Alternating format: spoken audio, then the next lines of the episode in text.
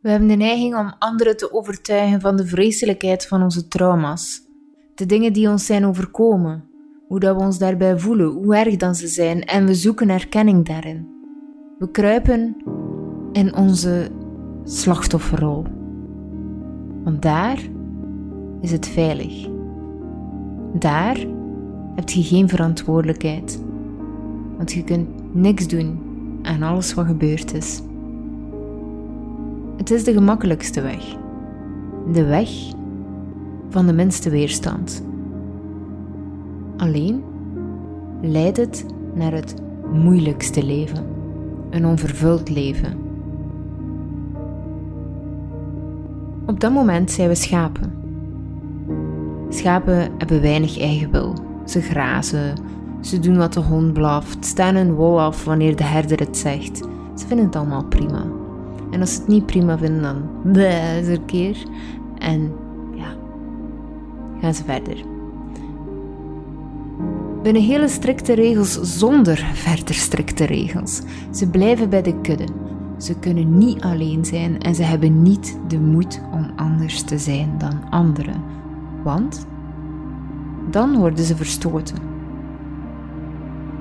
Ze hebben ontzettend gevoelige magen en een keer iets anders doen loopt niet zelden fataal af. Maar langs de andere kant hebben ze wel een onstilbare honger.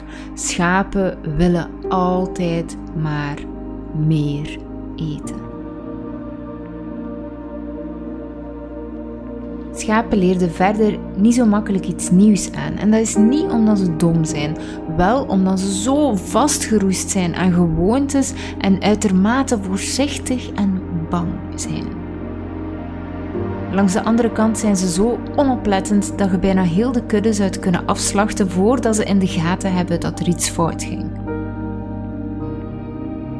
Wolven daarentegen leven vrij onder strikte regels. Ze leven in groep waar een alfa wordt aangeduid en deze erecode respectvol wordt toegepast. Ze kunnen het alleen, maar ze zijn het nooit, want ze weten dat verbinding belangrijk is en dat je verder geraakt in groep. Ze nemen risico's terwijl ze bewust kiezen wanneer ze wel en niet waardevol genoeg zijn. En hun zintuigen zijn zo ontzettend ontwikkeld. Ze zijn in staat om te adapteren, gaan op zoek naar een nieuw territorium en roepen hun soortgenoten op of waarschuwen hen voor gevaar door middel van een sterke huil, die tot 130 kilometer ver te horen is. Uiteindelijk geven wolven geen moer om de meningen van schapen.